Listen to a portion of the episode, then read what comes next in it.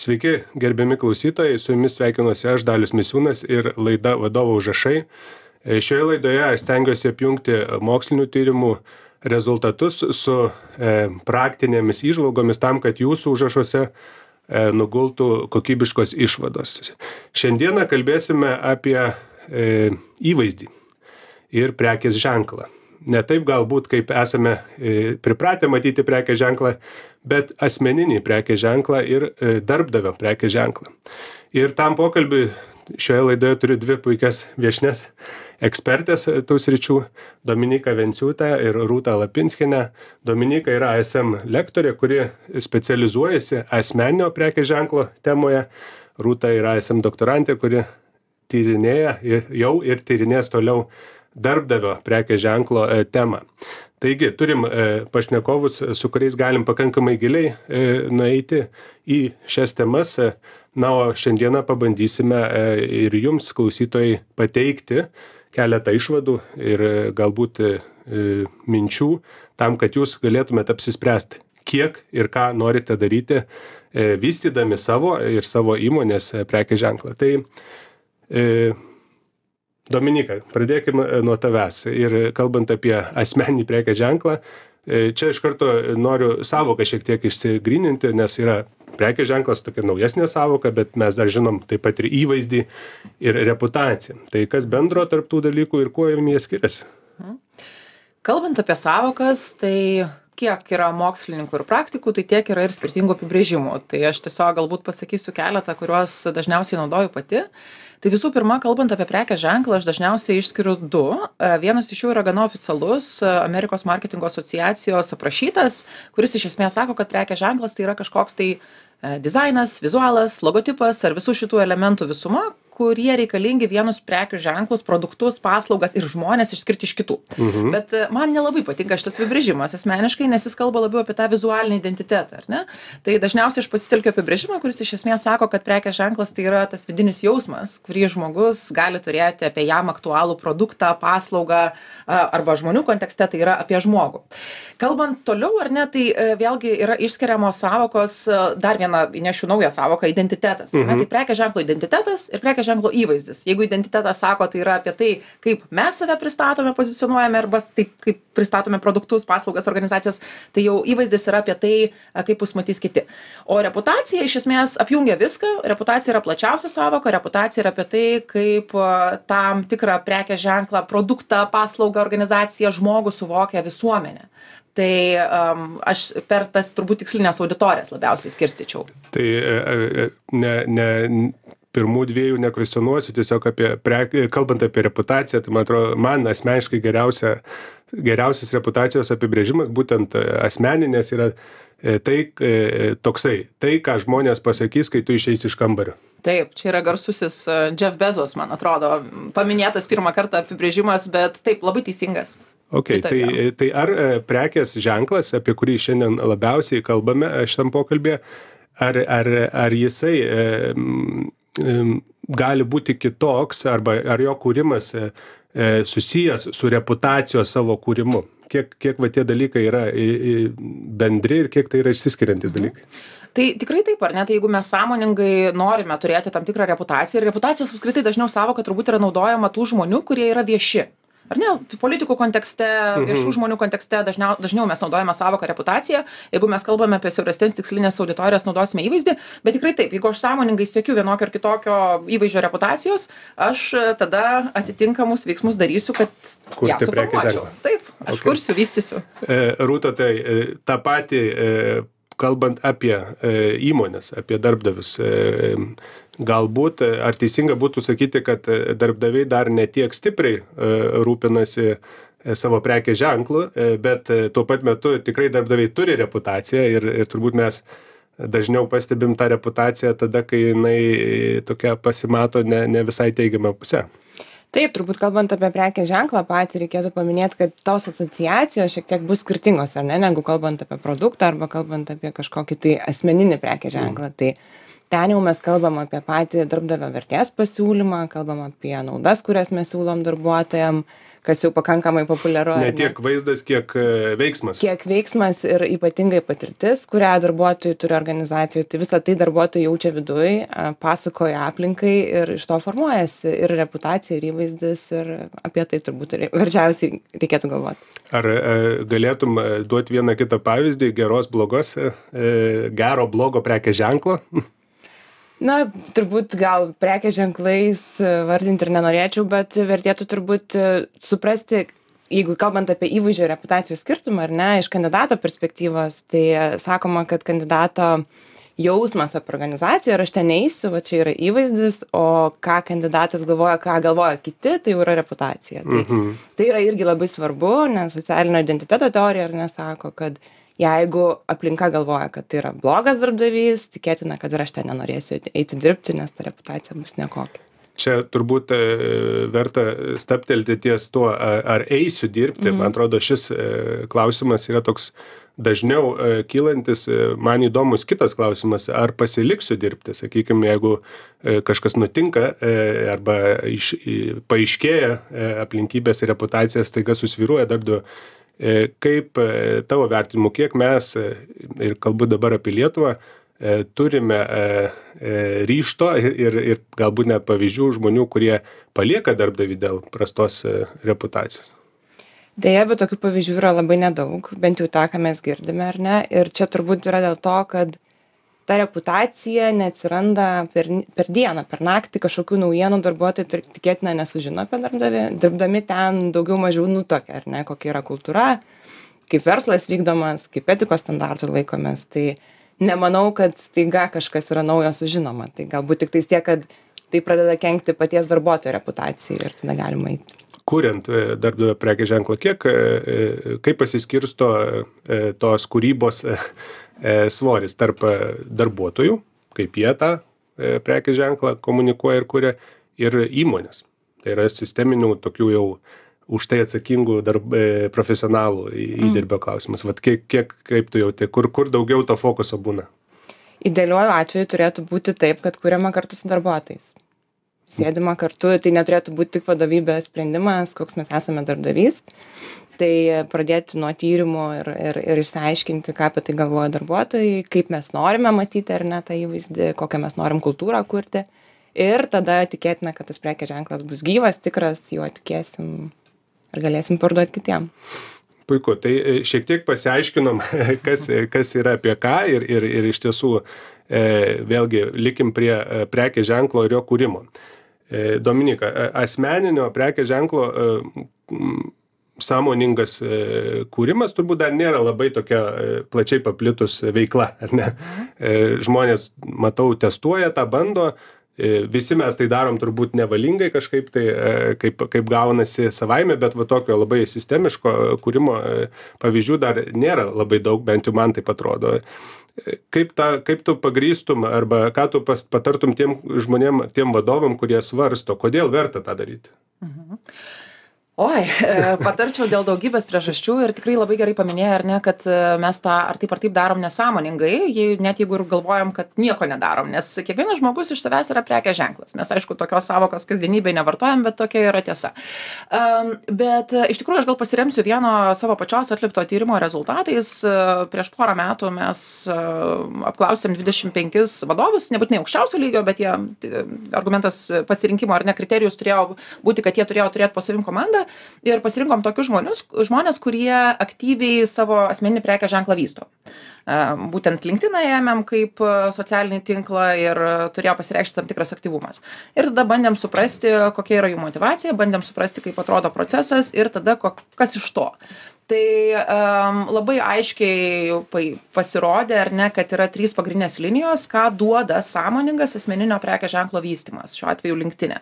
Tai vienas dalykas buvo susijęs su marketingo tam tikrais rezultatais, ar ne, tai iš esmės žmonės e, sakė, kad tai leidžia jiems e, didinti matomumą Mhm. ir stiprinti įvaizdį. Kitas rezu kitas buvo em e rezultatas kad tai yra susiję su pardavimais tai leidžia pritraukti naujus išlaikyti esamus. Ir trečia linija buvo apie tai kad iš esmės tai prisideda prie žmogiškųjų išteklių personalo rezultatų nes leidžia pritraukti e talentus ir išlaikyti esamus. Būtent asmeninis prekės ženklas ar ne? Ne darbuotojų ambasadorystė kas yra dar kita bet susijusi sąvoka.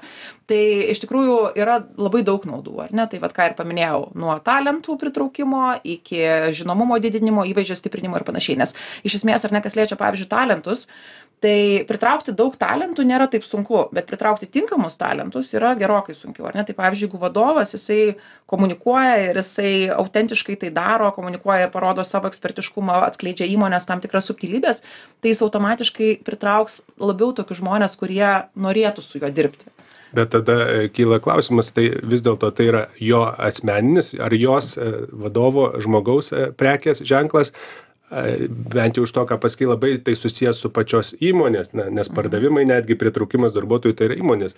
Tai na sakykim vadovas kuria savo vadovė kuria savo prekės ženklą vienoj įmonėj bet tada pakeičia įmonę. Kas nutinka su tuo prekės ženklu? Jis keliauja kartu su žmogum ar jisai lieka kartu su įmone tai iš esmės e, aš gal pradėčiau nuo to kad vadovo sti asmeninis prekės ženklas prisideda prie įmonės pre prekės ženklo. Ir atvirkščiai ar ne ir stiprus ar ne įmonės prekės ženklas gali sustiprinti arba susilpninti ar ne vadovo prekės ženklą. Tai iš esmės ar ne tai kad e, keliauja žmogus e, iš vienos įmonės į kitą įmonę per savo karjerą tai yra visiškai normalu tai aš mėgstu šitą sąvoką apibūdinti kaip asmeninio prekės ženklo evoliuciją arba kartais net revoliuciją jeigu yra kardinalus pokytis. Tai e, svarbiausia kad išliktų tie pagrindiniai dalykai ar ne kurie apibūdina žmogų jo identitetą tai yra vertybės tai yra jo požiūris tam tikros ir tai yra charakteristikos. asmeniniai dalykai. Taip, asmeniniai dalykai, jie vis tiek išlieka, ar ne, na nebent vėlgi atsiveria čakros ir kažkokie kardinalūs Pasikeičia. pokyčiai įvyksta gyvenime, bet iš esmės tai yra visiškai normalu. Tai uh, turbūt dėl šios priežasties, ar ne, kadangi organizacija yra rizika, va, išeina vadovas, kuris yra matomas, kuris turi gerą įvaizdį, tai todėl, ar ne, e, organizacijos, uh, vis daugiau organizacijų uh, rūpinasi ne tik vadovo pagrindiniu asmeniniu prekės ženklu, bet ir vadovų komandos ir ruošia daugiau žmonių ar ne? Nes jeigu vienas ar ne tas atstovas matomas žmogus išeina tai yra kiti žmonės kurie galės taip pat atstovauti atitinkamai organizacijai. Tai ir turbūt tas ir atspindi tokį strat labiau strateginį platų požiūrį ar ne? Kad kad ne nelikti su vienu. Tai labai įdomiai e, nuskambėjo paminėjai kad dalis e, įmonių norėtų e, pasiimti sau jų vadovų prekės ženklą bet aišku ir vadovų yra atvejų kuomet vadovai nori pasiimti įmonės e, prekės ženklą. Tai rūta čia toks irgi praktinis dalykas. Tai ar toms įmonėms kurių prekės ženklus bet kuriuo atveju visi norėtų pri prisijungti pasiimti ar joms aplamai reikia tuo rūpintis ar čia tiktai e, prekės ženklo formavimas kaip darbdavio prekės ženklo formavimas yra aktualu tik tiem kas šiek tiek turi problemų galbūt šiandien su darbuotojų pritraukimu ir kokybiškų darbuotojų pritraukimu. Tai prekės ženklas darbuotoją darbdavio ne tik tai pritraukti padeda mm, kandidatus bet ir išlaikyti darbuotojus ir tai yra jau patvirtinta moksliniais tyrimais ką sako verslo tyrimai ar ne kad pritraukus pritraukiant galima netgi du kartus daugiau pritraukti darbuotojų turint stiprų prekės ženklą bet ir išlaikymo atveju nuo trisdešimt kiti tyrimai sako net septyniasdešim procentų galima sumažint kaitos rodiklius. Tai net ir stipriausiem prekės ženklam vertėtų apie tai galvoti nes išlaikyti darbuotojus šiais laikais kuo ilgesnį laiką tikrai nėra paprasta. Tai e, kai stebi e, tas žvaigždes mūsų darbos darbo e, rinkos ar ar tu gali matyti jų e, veiksmuose sistemiškai e, vat strategijas e, darbdavio prekės ženklo formavimo taip tikrai yra didelių prekės ženklų kurie labai sėkmingai tai vysto ir visi jie iš tikrųjų pradeda nuo labai esminių dalykų. Tai yra nuo kaip ir minėjau vertės pasiūlymo ar ne keitimo ir labai aiškaus pasiūlymo darbuotojam formavimo lygiai taip pat kultūros visos keitimo. Tai kai tu žiūri į garsiausių darbdavių prekės ženklus tu matai tokį bendrą apimantį jausmą tą vat asociaciją kur tau labai aišku kur tu ateisi ko iš tavęs reikalaus kokią tu atmosferą ten turėsi ir ką tu už tai gausi tai Mhm. Tai visiškai eksper, ekspertiniu vertinimu, kiek laiko užtrunka suformuoti e, gerą e, darbdavio prekės ženklą? Sukurti strategiją ne netrunka labai ilgai a bet įgyvendinti be abejo man atrodo kad kokių trys metai tikrai reikalingi o gal ir daugiau nėra greitas jeigu tu keisi kultūrą ir ir ir darysi Dominika, kaip yra su žmogaus, su, asmeniniu? A, Susigadinti galima labai greitai, man atrodo. Taip, susigadinti galima labai greitai. Žmogui aš sakyčiau greičiau ir aš tikrųjų turiu tokį vieną pavyzdį savo pažįstamo. Čia aišku, toks gal labai vienas bus konkretus pavyzdys, bet prieš keletą metų jisai gyveno ne Lietuvoje, planavo grįžti į Lietuvą, dirbo tokioje specifinėje industrijoje ir na, sako, aš noriu kažką tai daryti dėl savo asmeninio prekės ženklo, e, tam tikroje srityje ar ne, ir užteko labai nedaug, ar ne, konkrečiai buvo, sukosi visi veiksmai apie LinkedIn platformą, apie tam tikrą komunikaciją ir aš dabar bijau sumeluoti, bet beros po poro savaičių atsirado kvietimas kalbėti loginę, Mhm. atsirado e, kvietimai pasisakyti kitose konferencijose. Tai iš esmės buvo labai sufokusuotas, e, sufokusuoti veiksmai, e, užkabinama tikslinė auditorija, tai iš esmės turint gerą planą, turint gerą strategiją, tą galima padaryti greičiau. Bet aišku, priklausomai nuo tikslų. Jeigu aš noriu savo asmeninio prekės ženklo dėka padidinti organizacijos pardavimus, tai greičiausiai reikės. ar ne? Ilgiau bus užtruks. Truputį ilgiau. bus. Bet tokį gerą paminėjai pavyzdį, kur gana greitai pavyko, ar ne, čia, čia iš karto porą minčių. Viena, tai gal iš tikrųjų yra tas vakumas, ar ne, kad, kad yra labai daug erdvės, e, netiek daug tų ženklų skraido šiuo metu eteryje. Kitas, e, kad e, tą darant greitai ir va taip staigiai galbūt po, tokius pokyčius organizuojant, kokios yra rizikos, kas gali ne taip e, nutikti, kas gali blogai nutikti, jeigu tu va, pradėsi daryti ir, ir ne, nežinau, paskubėsi arba Mhm. e, kažko neįvertinsi. Tai galbūt viena yra rizika, um, yra ypač vadovų kontekste, ar ne, yra tas toks e, darbų delegavimo, ar ne, e, aspektas, kad kai kurie vadovai, na, visiškai sako, aš, nu, taip noriu, bet aš nieko nenoriu, nenoriu dėl to daryti, tai atiduoda tai savo Mhm. asistentams ar komunikacijos specialistams ar agentūrai. E, tai vat, didelė rizika kyla, jeigu vadovas pats jis neįsitraukia į tą proceso kūrimą. Viskas gerai, jeigu už jį kažkas parašys tą žinutę, jeigu tai bus su juo suderinta, jeigu originalios mintis ar ne ateis iš jo paties ir jis bus įsitraukęs. Bet jeigu tai yra visiškai ar ne, darykit, ką norit, mano vat, slaptažodis ir, ir prisijungimo detalės, tai tiesiog tokia komunikacija, jinai atrodo neautentiška, jinai atrodo neįdomi ir dažnai būna, aš tikrai girdžiu daug, dažnai tokį pasakymą, ar ne, aš šitą žmogų žinau, aš žinau tą žmogų gyvai, bet tai, ką jis rašo, nu, tai matau, ne kad ne jisai rašo, ar ne? Ok, bet tai ar nėra taip, kad e, su dirbtiniu intelektu tai tampa dar didesnė problema? E, taip, tai vat, e, ką norėjau dar pasakyti, ar ne, kad kartais už anglų kalbos, jeigu turinys yra anglų kalba, už kalbos pasislėpti yra lengviau. Mhm. Ne, nes aš nežinau, galbūt kaip tas žmogus save pateiktų um, anglų kalba ir, nu, čia gal, vat, nu, tas vertimas aš per daug nesigilinau. Tai taip, iš tikrųjų, dirbtinis intelektas šiuo atveju jisai atveria daug galimybių, nes mums tampa tą daryti lengviau, bet iš kitos pusės yra rizika prarasti tą autentišką balsą.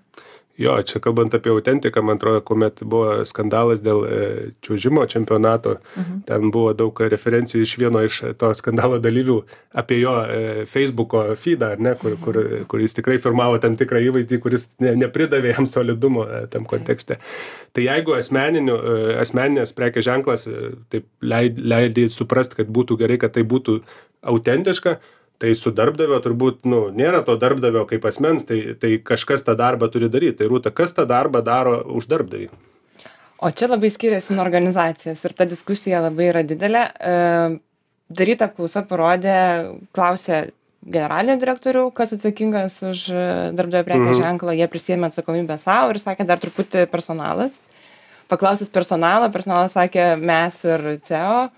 Tuo tarpu paklausus marketingo, sakė, dabar nežinau, ką paminėjau, žodžiu, marketingas sakė personalas, personalas sakė mes, personalas. Tai toks jausmas, kad marketingas kaip ir nelabai nori būti Aha. atsakingu, bet matom, kad organizacijose labai dažnai būna arba marketingo skyrius, arba personalo, bet svarbu, kad vadovas palaikytų iš tikrųjų. tai jeigu tau iniciatyvą. reiktų duot patarimą ką kas turėtų apie tai žinoti geriausiai organizacijoj ką ką ką tu ką tu nusiųstum į tuos mokymus It depends, sakyčiau, pirmiausia turi būti parama iš vadovo. Mm. Jeigu vadovas to tikės ir paskirs atsakingą Tai čia būtina žmogų, sąlyga. Būtina sąlyga Mhm. vadovo palaikyti. o žinios kur turėtų nugulti Manau, kad tai yra bendras e, personalo ir marketingo darbas. Personalas formuoja bendrą pasiūlymą darbuotojam, o marketingas moka geriausiai tai iškomunikuoti. ir turbūt jeigu mes žiūrėtumėm per pozicijas e, šiandieną tai daugiausiai jų bus e, personalo Manau, kad taip. departamente kurie atsakingi už už šitą dalyką e, okei e, judant e, link e, pabaigos, ar ne, daug dalykų įvardinom, rizikos, galimybės, e, kodėl verta daryti, ką reiktų, ko reiktų prisibijoti, ar ne. E, tokį tradicinį noriu užduoti klausimą, šitoje laidoje visiems jį užduodu. Tai vat, jeigu jūs turėtumėte e, stebuklingų galių ir galėtumėte į tuos vadovo užrašus, į kiekvieno vadovo užrašus, e, pačius slapčiausius ir, ir švenčiausius, įrašyti po vieną sakinį e, šią temą, kas, kas tai būtų, Dominik? Aš turbūt įrašyčiau, įrašyčiau sakinį, kuris skambėtų taip. Jeigu sąmoningai nevystysi savo prekės ženklo, asmeninio, produkto, organizacijos, darbdavio, tai tau už tave padarys kiti. Mhm. Tuščios vietos nebus. Tikrai taip. Rūta? Mano sakinys yra apie tai, kad pirmiausias ir svarbiausias klientas yra darbuotojas. Vystant mhm. bet kokį prekės ženklą. Ok, pradedam nuo darbuotojų, ar ne? Ir iš tiesų, tai e, pabaikim jau visiškai praktinių dalykų, sakykime, kad tai įvyko, jūs įrašėte tą sakinį. ir štai asmeninio as, e, vadovas penktadienį e, sugalvoja, kad nuo pirmadienio aš vystysiu savo e, prekės ženklą. Kokį vieną praktinį žingsnį rekomenduotum pasirinkti kaip pirmąjį? Mhm.